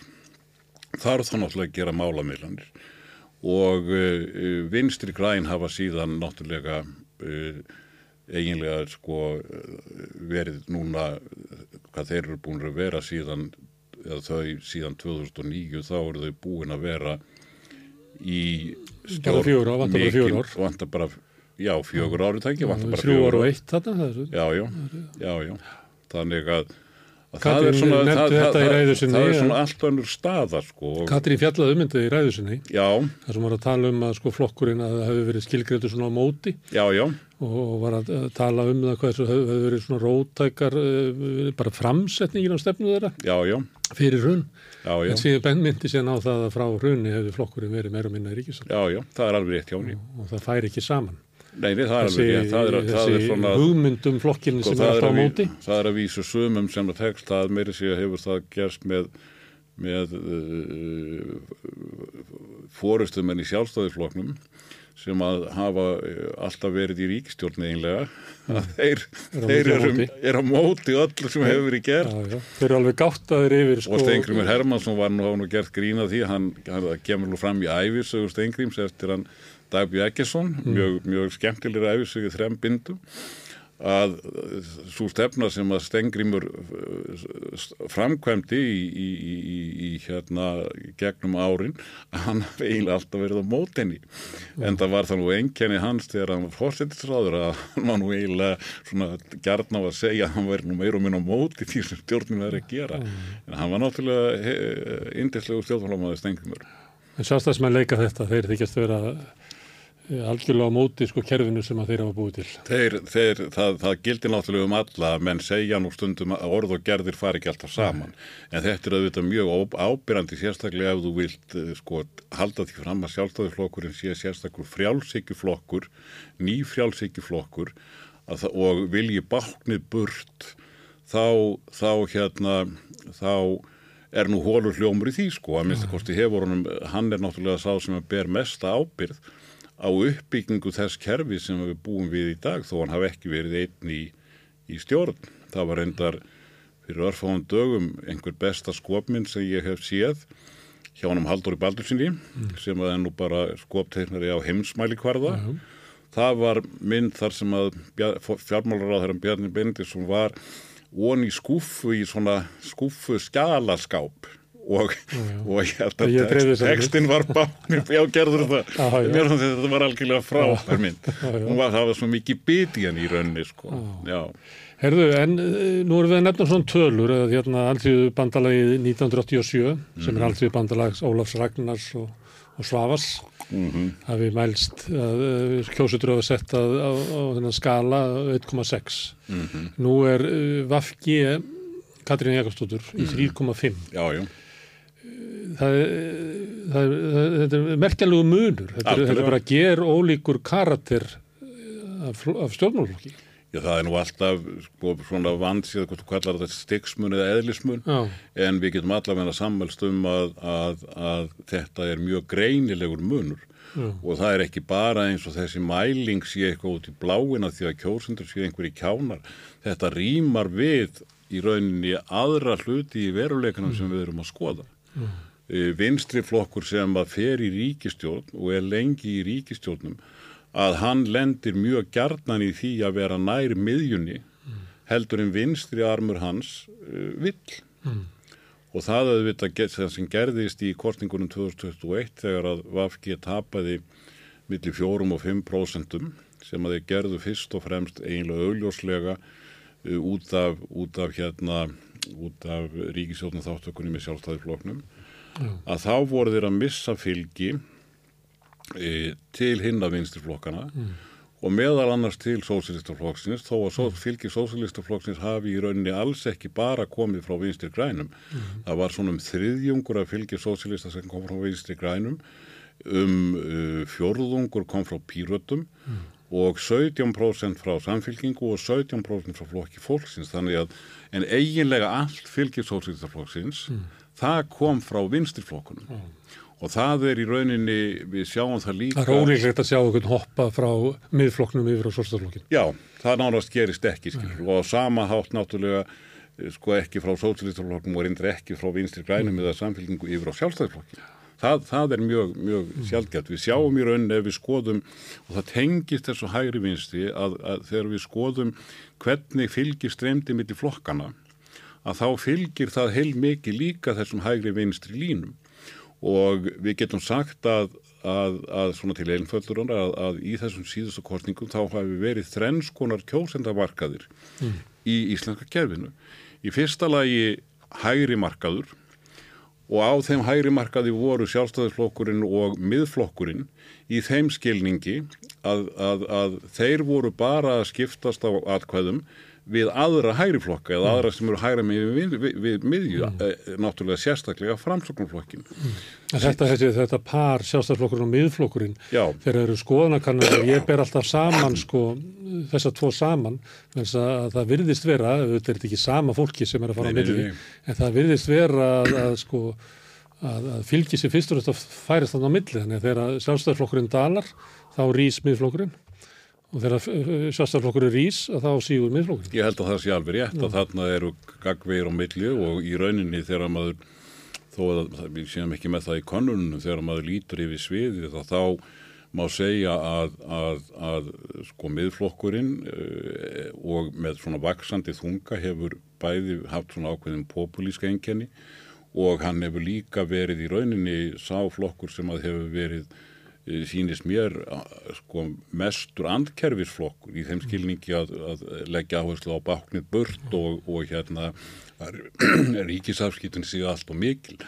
Þannig að en hann á sem sé þá margt samílegt með þessum hægri armi í sjálfstæðiflokknum sem að núna er að gaggrína stjórnarsamstarfi Fúluköllunum sem kalla sér sjálfa. Já, já, já, og eða og náttúrulega Ríðstjóra Morgblasis og hópnum kringum hann. Þetta eru nú, sýnist mér ekkert rosalega stórir, stórir hópar. Nei. Ég held að segja ofmetið árif þeirra inn í flokknum og stærð. Það held ég líka, það held ég líka og maður sér að, að ef þú skoðar til dæmis ráðherraliðið, það var maður nú bara grein sennilega rétt fyrir flokksálsfundin eftir hann að Þordísi Kolbrúnu og hún var miklu meira í þeirri grein að reyna að presentera gamla góða sjálfstæðisflokki. Þú verður náttúrulega líka að segja við erum auðvitað flokkur enga framtagsins og, og það alls saman. En það er svona miklu hófsamari uh, framsetning og líka áherslu á að það eigi að viðhalda velferðarkerf og eitthvað svo leiði sko sem að uh, hörðust og hægri mennir og nýfrálsíkjumennir eru bara ekkert inn á. Já, þannig vil hún allavega ávarpa kjósetur, hvað svo sem að já, flokkurinn gerir svo fyrir ríkistjórn. Já, það er svona, það er svona mál sko. Ok, þú varst að tala um hægri markaðinn, ég Já, greið fram yfir, þú varst búin að já, nefna já. þessa tvo flokka. Er framsvonarflokkurinn á hægri markaði? Nei, við, ekki í þessum skilningi. Ég, hérna, sko, við, við erum með hægri markað og síðan erum við vinstri markað þar sem að skiptin eru eng, eða, og það eru þrýra flokkar á honum. Það eru sem sé samfylkingin, píratar og sósílistaflokkurinn og þeir eru á vinstri markaði í þeim skilningi að allt fylgið sem streymir til og frá þeim flokkum er í rauninni til annara vinstriflokka eða flokkana sem eru staðsettir vinstra með yfir miðju. En næri samfélgiki núna eftir Kristrúnu ekki að sækja fylgi inn á miðjuna og yfir til hægri? Það er mjög líklegt eða í, í þeim skilningi að ég, og það er náttúrulega í rauninni alveg ljóst að, að, að hérna miða við kannanirna núna þá er hún að taka auðvitað eða samfélgin að taka heilmikið vinstrafylgi af til dæmis vinstri grænum og það er annar stæsti parturinn í þeirra því sem er Og heldur niður í mögulegum vexti sósélista, eitthvað leiti? Já, það gæti, Svipað áriðin eru á, pírata var það gæti, reyndar, gæti og mjög vel verið. Viðreisn. en, en samfélkingin hefur líka verið að taka heilmikið fylgi frá framsóknumflokknum sem að er hægra megin við miðjuna er, þó að hann sé rétt sé miðjuflokkur í rauninni sko, þá er hann rétt hægra megin við miðjuna. Þannig að, að þýleitinu hefur hún er hún sennilega að færast nær því að vera á því sem ég kalla þá blönduðum markaði. Og á þessum blandaða markaði eru tveir flokkar sem eru að kjósendur líta á sem miðjuflokkar rétt hægra með um miðjuna, það er viðreysn og framsókn. Því að þeir eru að, eiga, eru að skiptast á atkvæðum við bæði við flokkana til vinstri og flokkana til hægri. Mm. Framsókn greinilega sko var með mun meiri skipti við flokkana til hægri, sjálfstæðisflokkin og miðflokkin, en viðreist var eiginlega skiptast jafn mikið á atkvæðum við flokkana til hægri og flokkana til vinstri. Og tveir flokkar til vinstri eru líka á þessum blandaða markaði, annars vegar vinstri græn, eh, en samt sem áður að því að þau voru að eiga mikil skipti að vísu ekki við sjálfstæðisflokkin heldur við enganlega framsóknarflokkin mm. e, og, e, og hérna e, e, viðreist nattur, var ég búin að segja það viðreist sem sé var, var með álíka mikið bæði til hægri og, og vinstri. En síðan, já vinstriflokkarnir sem sé það er, það er annars við vinstri græn sem að eiga meiri skipti við, vinstrið heldur en hægrið og þá bara við miðjuna og síðan flokkur fólksins sem að er líka sko með mun meiri skipti við e, vinstri kantinn en er líka með tengslífur á hægri kantinn. Þannig að þetta eru svona þrjú mengi ef þú vilt sko sem að er áhugavert og líka að bera þetta saman við í rauninni sko þessa almennu upplifun á hægri vinstri. karðin því að í stórum dráttum rýmar þetta mjög vel. Þó við vitum auðvitað að aðrir ásar geta skipt líka máli ekki bara hægri vinstri ásinn. Í þessari bók erum við til dæmis að búa til svona efnislegan ás úr nokkrum spurningum sem að er svona menningar og alþjóða ás sem að tengist þá viðhorfum manna til alþjóðlega samvinnu og líka til þess svona sem kallað hefur verið postmaterialismi stundum og tengist þessum eh, menningarstríðum. Það er að segja þá ert að spurja um viðhorfin til innflytjanda, viðhorfin til eh, Þungunarofs, hins já, já, eginn hins réttinda. eginn akkurat, eitthvað, eitthvað svoleiðið sko. Og á þeim ás þá er raðast þetta tölvast öðruvísi hjá íslensku flokkunum heldur en hægri vinstri ásinn og þar sjáum við til dæmis að viðreist er, er hérna á lengst til vinstri í frjáltindinu meðan að, að miðflokkurinn er, er, er sé íhaldsamastur á, á, á þessum ás Nú hefur það verið sérstaklega kannski síður ár og kannski út af bara uh, pólitík í bandaríkjunum og allt sem að gerist í bandaríkjunum flýtur hingað yfir til okkar. Þar eru við með stjórnmála sem að sko stjætta stjórnmálin eru eiginlega guðuð upp, demokrataflokkurinn stundar ekki þetta stjórnmál og þessi stjórnmál sem þú ert að lýsa sem eru svona um, um réttindi og réttindi innflytjenda, mm, mm, einsegin fólks, hvern réttindi og flera, hafa tekið yfir. Og það er oft talað um hægur og vinstri mitt á þessum ásum, það sem er að vera vinstri sinnaður, þess vegna er, er hérna væri viðriðsflokkur sem vinstri flokkur á þeim ás. Já, já, já, já. Hvað heldur að ráði upplifun uh, almennings þegar hann er að raða á hinn á sinn? Er það hérna svona stjættarstjórnmála sjónarmið? Meinaru á...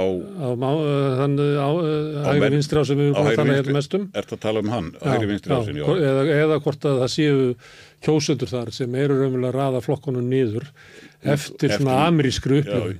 Ég sko, ég hef ekki skoðað þetta heldur kerfispundið en mín upplifun er svo að það sé ekki þannig. Já. Það er að vísu öruglega þannig, það er fylgni þannig að, að, að þeir sem eru til vinstri á vinstri hægri ástum, þeir eru líklegri til þess að vera sem sé líka frjálslindari Já. á þessum íhald sem er frjálslindi mm. þjóð, þjóðetnistefna alþjóða áskor mm. sem eru nú settir saman mm.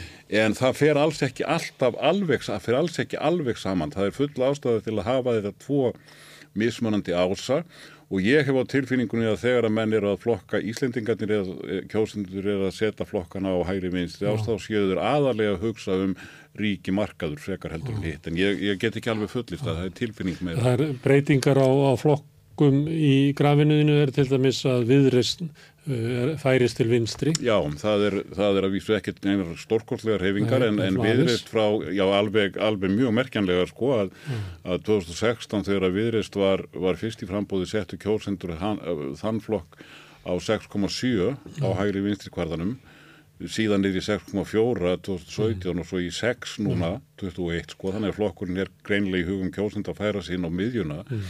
það, það var reyndur oft sagt að, að flokkurinn væri bara klopningflokkur úr sjálfstæðurflokknum en það rýmar ítla við það hvaðan hann fekk fylgi 2016 því að þá komum þriðjungur af fylginu frá sjálfstæðarflokknum og álíka, álíka margir frá samfélgingunni. En þegar við erum með klopning, sögulega við, þegar við erum með klopningflokka eins og til dæmis frjálsnindaflokk Sverris Hermanssonar og, mm. og borgaraflokk Alberts, þá var kannski 70-80% af fylgi þessara flokka að koma frá sjálfstæðarflokknum. Þannig að þeir voru e, klopningflokkar í, í þeim, mm. þeim skilningi. Má ég spyrja það einu? En viðreist náttúrulega er sem sé það er sko, að, að, er nefnilega bæði þegar þú skoðar hægri vinstri ásinn eins og sem við höfum verið að tala um líka þennan efnislega hægri vinstri ásinn sem er byggður á nokkrum spurningum og að þa þar er verulegu munur á viðreysn og sjálfstæðisflokknum mm. sjálfstæðisflokkur, nei, viðreysn er miklu miklu nær miðunni mm. en hins vegar munurinn kannski enn meiri þegar við skoðum hérna alþjóða ásinn og, og, og þennan menningar ás mm. Þannig að, að, að, að viðreysn og sjálfstæðisflokkurinn eru mjög ólíkir flokkar Vi, í rauninni. Sko. Við getum líka spurt Þorsten Vílusson sem er fyrirhandi þingmaðurflokksins, hann segir að flokkurinn sé að færast til vinstri. Ég, ég held að það sé alveg rétt hjá hann, hann hafði að svona, e, já, e, sko Þorstein er svo glöggur að hann hefur bara sömu skoðun og, og hinn venjulegi meðal kjósandi. Það segði mér þegar þú ætti að skoða þetta að því að ég tala svolítið við fólkum um, pólitík mm -hmm. og ég myndi segja svona almennt við Þorfinns venjulega kjósut á Íslandi er að hann hefur ekki mikla trú á stjórnmálunum mm -hmm. og það reyndar kemur fram í alls konar konunum sem sínaði bara lítið tröst á þessu.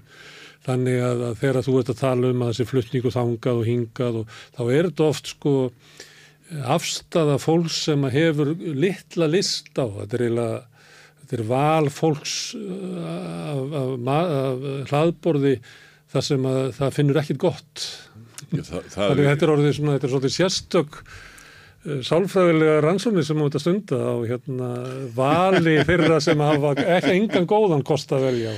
Já, við náum náttúrulega ekki utanum þetta allt. Nei, en það er svolítið spilar inn í það. Hins vegar hjálpar eitthvað okkur þessar, þessi gögg sem við höfum hjálp okkur svona til þess að að skilja þetta aðeins skár mm. og kannski losna við mestu villukenningarnar mm. en það er alveg rétt hjá þér að, að svona almennt síðustu áratuguna þá hefur flokkshóllust að fara í mingandi mm. það, er, það, er, það, er, það eru miklu fleiri sem skipt um flokk í kortingu, það hefur verið núna er skemmtileg fyrir þig að því þú ert að fylgjast með reyfingunum Það náttúrulega gerir töflutan skemmtilegri það, er svona um helmingur og, og stundum farið yfir helming síðustu árin sem er náttúrulega rosalega mikið. Að annar hver kjósandi sé að, að, að hérna að skiptum flokk, hvort að mér er kjósa að tólka það þannig eins og þú virðist, eða þín spurning felur í sér, að það séu, hér séu margir kostar og allir vondir, að þá gæti það nú líka verið upp á lífundum hér eru margir kostir og allir góðir. En í rauninni held ég að gögnin stiðji frekar þína hérna þína álygtun sko að, að við höfum ekki bara hér heldur viða í nákvæmlega séð sko svona meiri óanægu með e, stjórnmálaflokkana. Og e, kjósendur eru svona gaggrítni það virðist vera þólinnmæði þeirra e, fyrir, fyrir e, varðandi árangur í ríkistjóðun til dæmis sé stittri og minni heldur en áður. Stjórnarflokkum hefur reyndar alltaf frekar alveg frá stríðslokum 1945 höfum, ég hef skoðað gögn frá því í vestur Európu sko að þá er, er varða alltaf þannig að það var algengar að stjórnarflokkar töpuðu fylgi en það hefur aukist verulega á, á þessari öld og kannski frá 1909 eða eitthvað. Þannig að þólið er að minka kröfu, kröfunar eru, það eru bara meiri kjósendur eru bara kröfuharðari sko. og líftími stjórnmálamanna kannski að stýttast því og við haldið fram. ég, þó að við getum alltaf bent á það hér því að til dæmis Katrín og Bjarni þetta eru, þau eru að fara að slá met í sínu flokkum yfir formenskull þá Bjarni náðu aldrei Bjarni, Óla Bjarni náttúrulega næri ekki Óla Nei, tóf, sko, hann er að náðu öllum öðrum. Já, hann er náttúrulega búin að vera núna hvað í, í, mm. já, það, síðan 2009 já, já. E, en þau eru líka þessi tvö eru með sko reyndustu þingmannum mm.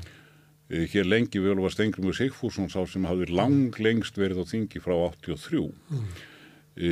en Þannig að þegar hann hætti þá uh, stittist nú meðal þingaldur umtalsverð. Mm. En hins vegar það sem hefur líka gerst í undanfarandi korsningum er að það hefur orðið miklu meiri endur nýjum í þinginu mm.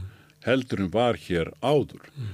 Þannig að í rauninni það fellur að því að líftíminn í pólitík sé stittri mm.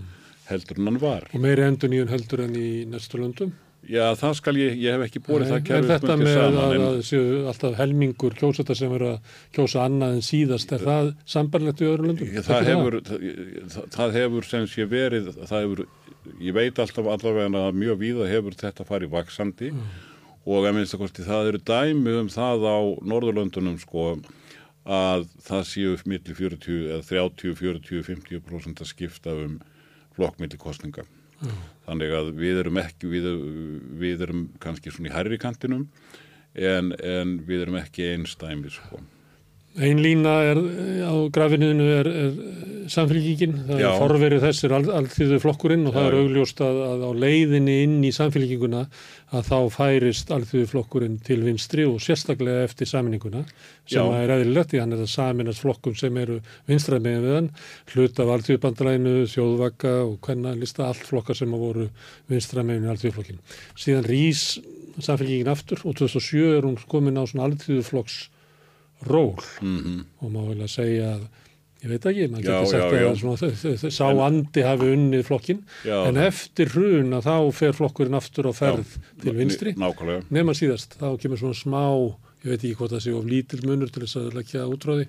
Það hættir þróunin til vinstri. Já, en já, hún, ég, mín, ég las þetta þannig sko að þetta þessar kostningar 2007 væri nú eiginlega undantekningin hjá samfélgingunni sko og 2007 er nú kannski svona tími uh, blerisma Já. og flokkurinn var törfirt að dadra við, við svona þá, þá útfærslu.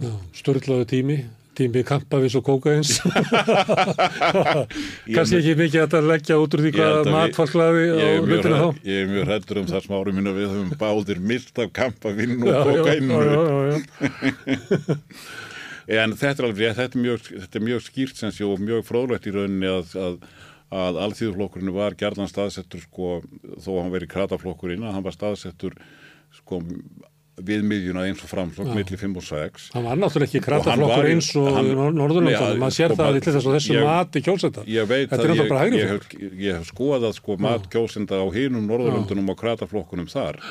Og þeir voru allir miklu lengra til vinstri heldur en alþjóðflokkurinn var. Þeir eru í rauninni kjósendur þar staðsetja allana í, í Skandinavíu á svipaðan stað og samfélkinginni staðsett hér. Þannig að, að þetta er alveg skýr breyting og síðan að gefa hún líka fram í þessari bóka, ég held að það hef aldrei komið fram áður. E, greining á, á hérna því hvernig kjósendur fóru á milli flokka 99, þess að hvaða fylgi kom til vinstri græna og hvaða fylgi kom til, til hérna samfylgingarinnar. E, því að samfélgingin áttu náttúrulega samin alla vinstri menn. Vinstri græn voru fólk sem að taldi það vera uh, of mikill blerismi eða, eða hvað þannig var.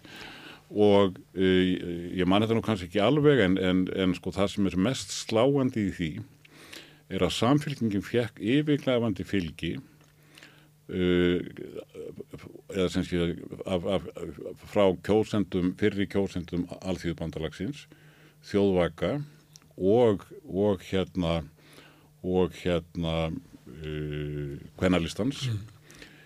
en ekki nema kannski helming af þeim sem hefðu kosið alþjóðflokki mm.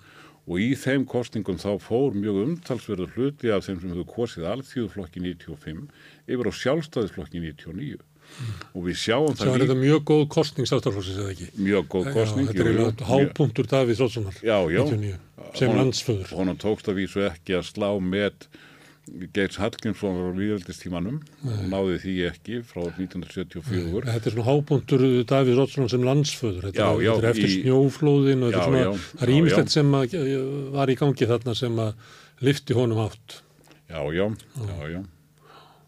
Þannig að, að einhverjar af þeim sem voru í alltíðfloknum uh, þeir fóru, fóru bara fóru, fóru, já, já, fóru bara sko og, og hérna í, í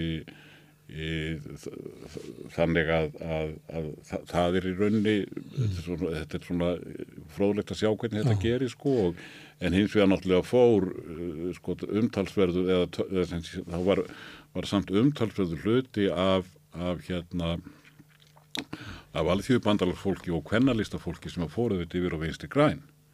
Þeir fengu fylgi þaðan miklu frekar heldur en frá þjóðvæka eða og náttúrulega ekki frá alþjóðufloknum ég var að leika með þessar tölur að því að stundum er hérna, koma kratar og leggjast á okkur í sósélista mm -hmm. og segja við eigum að steyði í allt sem að, að þeim flokki dettur í hug að gera.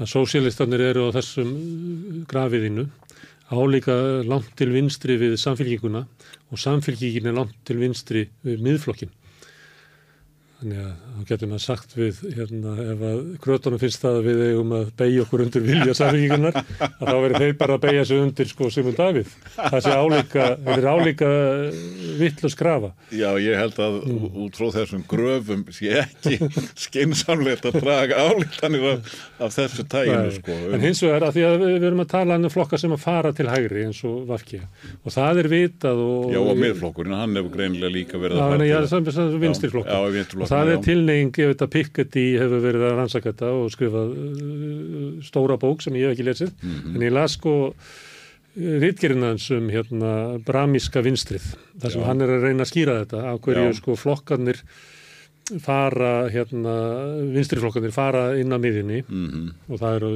alls konar menn hafa talað um bara minkandi verkefliðstjettina og þess vegna hafi bara verið að leita atkvæðum en, það er allavega hugmyndarlega að þá færast þeir til hérna inn á miðuna. Og það sem gerist eins og þú hefur líst að það verða til þá vinstri flokkar öðrum einn og það er oft hinum einn sko. Mm -hmm. Því að því ef að, ef að ef að allþjóðflokkurinn færist til hérna hægri mm. þá verður til sósælistaflokkur og ef að sósælistaflokkurinn saminast sluta allþjóðflokknum mm. og, og færist til hægri mm. þá verður til eitthvað og þannig heldur þetta bara endanist áfram. Já, sérstaklega eða þegar að tilnefingin er eins og hefur verið í vestranum í vestur áru kerfunum mörgum sko að undanfarnað áratögi þá hefur flokkum verið að fjölga. Já og þá náttúrulega sé, getur, er, getur á Íslandi er nú bara raunhæfskilur að vera með eigin flokk ef að þú átt svona sæmilega möguleika á því að fara yfir 5% Já. upp á að komast á þing. Já. Það sagði við mig gammal vinstrimöður sem sagði það að það verði alveg ránt að vinstrimenninni verði alltaf að, að, að, að kljúfa hreyfinguna, mm -hmm. vinstrirheyfinguna, heldur værið að hinn hægri sinnaða fórulsta flokkana sem að færði flokkana alltaf til hægri. Þannig að það var orðið ólíft fyrir sko rótaka sósélista að vera inn í þeim. Þannig að þeir röktu í burtu þannig að það veri fórulstan sem var að kljúa flokkana en ekki þeir sem að færu. Ég, ég get alveg skilja það ef menn eru hardskeittir hugstjónamenn á Já. vinstri kantinum að þegar að flokkar fara að taka þátt í ríkistjórnum og gera málamiðlanir Já. þá náttúrulega er mjög eðlilegt að þessir hardskeittu hugstjónamenn þeir, þeim, þeim, þeir þeir ekki heima þar Já. og vilji fá nýtt al- alternativ sko. og við sjáum þetta í raukt í Nóri Já, já, nákvæmlega einislistin Já, já, nákvæmlega og margir flokkar sem eiga raunverulega rætur til sko kommunistarhefingarinnar eins og raukt og rætur í máistarhefingunni Já, já að þeir eru já, svo sagt komnir inn á, á sko inn á hinn almenna vettvang meðal annars að því að heini flokkanir sko færast alltaf til hægri.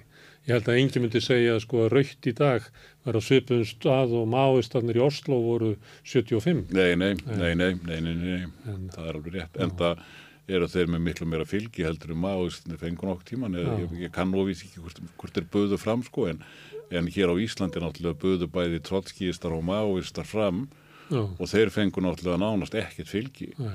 Þannig að, að, að sko ef þú ert að skoða þetta, þessa flóru, það komu fram sérstaklega á þeim tíman þó nokkri flokkar sem voru vinstra megin við alþjóðbandalægið, Já. þeir fengu bara ekkert fylgi.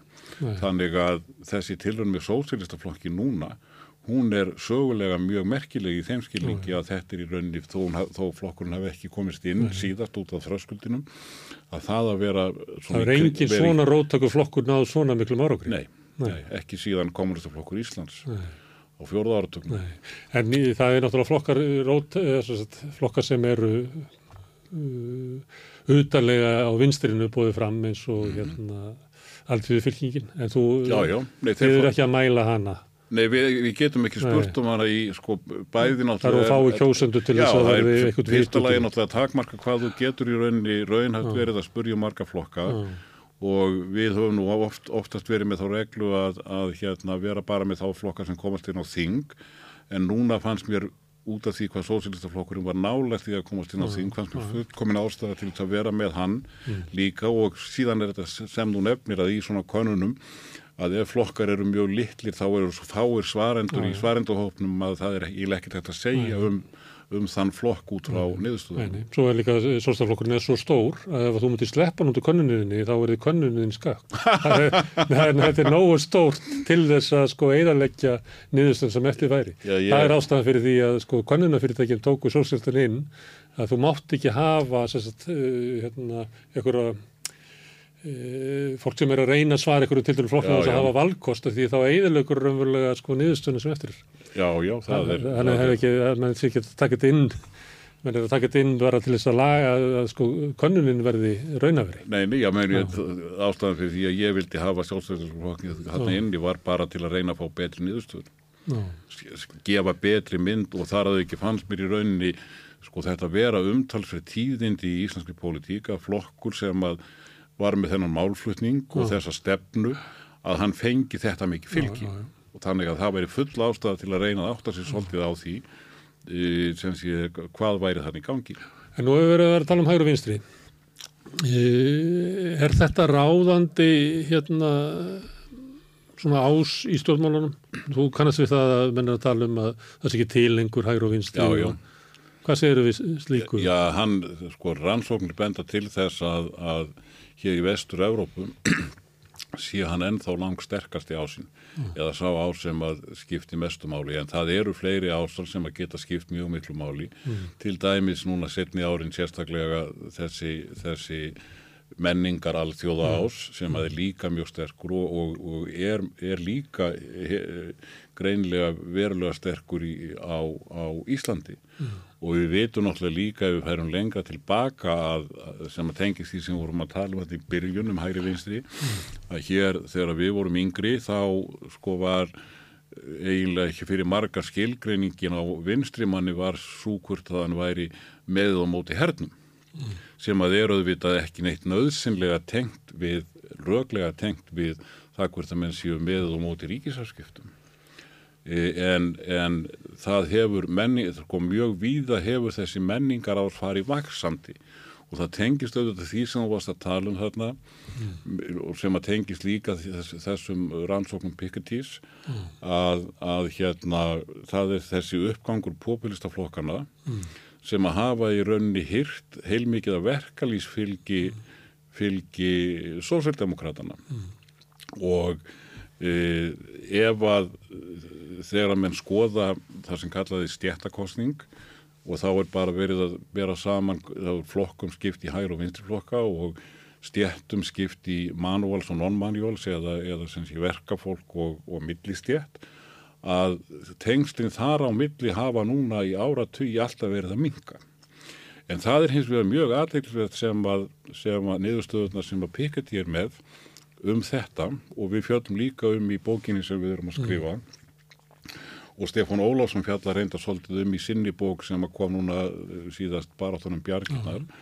að, að, að sko hann skoðar þetta svolítið öðruvísi, hann skoðar fyrir sem séð mörg ríki síðustu áratugina hvernig annars vegar hvernig hefur uh, hafa, hafa þau 10% sem að hafa sko, lengsta skólagöngu eða mesta mentun eða stundu verðan með háskólamentun sem er þá tildulega lítill hópu líka hvernig hafa þeir verið að kjósa mm. og svo skoðar hann varðandi stjættirnar eða, eða efnahags uh, ásinn að þá skoðar hann hvernig kursu þeir kursu hérna kaus efsta tekjutíundin mm. hægri og, og vinsturflokka og það sem að kemur út úr þessu er að varðandi efnahagsásinu þessa tekjutíund þá ríkustu að þar hefur tiltur að líti breyst það er að segja að svo tekjutegund, hún er að vísu aðeins meira kjósa til vinstri heldur hún gerði áður. En er samt stjættvíst fólk? Já, tiltölega stjættvíst fólk. Oh. Görbildingin hefur hins vegar orðið á hínumástum, það er að segja varðandi mentunina að, að, að sé, það var hér áður fyrir þannig að sko þeir með litla mentun kursu eða stuttaskólagöngu, þeir kursu miklu meira til vinstri mm. En síðan hefur það verið að breytast og núna er það víða orðið þannig að það er annarkvæmt engin munur eða að þeir sem eru með meiri skólagöngu mm. er að kjósa meira til vinstri mm. og þannig hefur það reyndar verið hjá okkur og ég hafði gaman af því í bókinans Piketty að hann, hann, hann, hann notar gögnin okkar alveg frá 1983 mm. eða hann og hans félagar mm. og, og hérna e, eru þarna með svona sína eigin greiningu á þróðun og Íslandi og það er náttúrulega gaman fyrir einhvern sem hefur lengi í þessu að sjá svona annað sjónarótt og eh, hérna en, en þeir, það sem kemur þar út sem að er þá byggt á okkar gögnum er það að þessi, þessi hérna tilheying uh, mentamanna ef þú vilt sko eða þeirra sem eru með mestu mentununa til að kjósa til vinstri hún er eldri hér heldur hún á Norðurlöndunum Þannig að alveg frá því um 1980 þá verðist sem sé að verða þannig að sá hópur sem með hæstum, mestum mentununa, hann kýrs meira til vinstri. Eh, Svo þróun gerist kannski 10-20 árum eh, setna í, í Skandinavíu. En mm -hmm. þetta auðvitað breytir heilmiklu í þessu félagslega landslægi stjórnmálana og tengist í rauninni líka því sko að, að, að, að hérna sko einn vandi krataflokkana ef maður skoða bara út frá fylgi er sá að þó að þeir hafi sem sé fengi fylgi mentamanna á og þeir hafi fengi fylgi sem að tengi þessum menningar alþjóða ás mm. Að þá hefur stór hluti verklistjættarinnar hefðbundina verklistjættar uh, farið frá þeim. Og það er, það er fórust að flokkana fór frá verkalínum þú getur sagt það, þú getur sagt það. En, en þetta hefur en, en svo síðan á svona hápunkti blerismans hefur þetta verið að breytast hjá einsum krataflokkum sem að hafa farið í það að segja heyrðu, við getum ekki bara verið hér fyrir róttæka mentamenn mm. við verðum líka að gæta að, að hagsmunum venjulegs fólks okkar gamla kjarnafylgis mm og eh, menn hafa bröðust við þessu með ímsum hætti. Mette Fredriksson í Danmörku gerði þetta með því að, að taka þetta að tölvur reyði upp stefnu danska þjóðarflokksins mm. í innflyndamálum og það gagnaðist henni fylgislega og það gagnaðist henni til þess að rauðablokkin vann kostingar þó að mörgum hins vegar krötum auðvitað líkaði það illa og í rauninni það sem gerðist í kostningunum þar sem hún vann síðast, næst síðast Já. að þá, þá sko í rauninni flokkurinn tapaði aðeins fylgi en hann fekk heilmikið fylgi frá hérna danska þjóðaflokkum fyrst og fremst yfir blokkamörkin. e, en tapaði hins vegar mörgum sem að mislíkaði þessa nýja stefna í innflytnumálunum yfir til hinna vinstriflokkana en þegar upp var staði þá var flutningurinn milli rauðublokkar eða frá bláu blokki yfir í rauðablokk í gegnum þessar, teng, þessi, þetta, þetta, þessar fæstur frá danska þjóðaflokknum yfir í kratana að, að þær gerðu það að verkum að rauðablokkin vann þannig að, að svona strategist séð var þetta mjög klókt. Ef þú hérna, ef þú bara að hugsa um markasfræði að, að, að þú missir jafn mikið fylgjóðu færð en að, út af blokkapólitíkinni þá, þá vinnur rauðablokkin og, og kratarnir fá fórstráður Þannig er það að flytja atkvæði yfir miðjuna. í rauninni, það er, það er Það það, dugði er, eitt kjörtímabil hjá fyrir það. hvað segir um? Það dugði eitt kjörtímabil. Já, svo nú, svo, jafntöfni. við náttúrulega komin Nú í erum komin í svona er nú er hann í uh, hérna svona ríkistjóðni yfir miðjuna. ríkistjóðnum við Ég miðjuna kíkti sem á að- nýjar kannanir. Já. Það er allir flokkarnir að tapa þar. Já, Þeir já, þeir voru með voru- 50% eru komnir undir 40, rétt undir 40. Já, ég var að skoða þetta líka, þeir höfðu verið farið enn næst síðust kannun. En það, það er bara eins og maður, við varum að búa sko, að þeir, þeir færu, færu niður sko, eins og, eins og stjórnarflokkar gera yfirleitt. En Það sem varst að lýsa áðan er hérna krataflokkanir, hvernig sem að hafa verið að höfða til menta fólks fyrst og fremst. Það þurfa að finna einhverja leið til að ná til síns gamla aldrei fylgis. Mm Mhm. upplifuru stefnubreitingu Kristrúna Frostadóttur?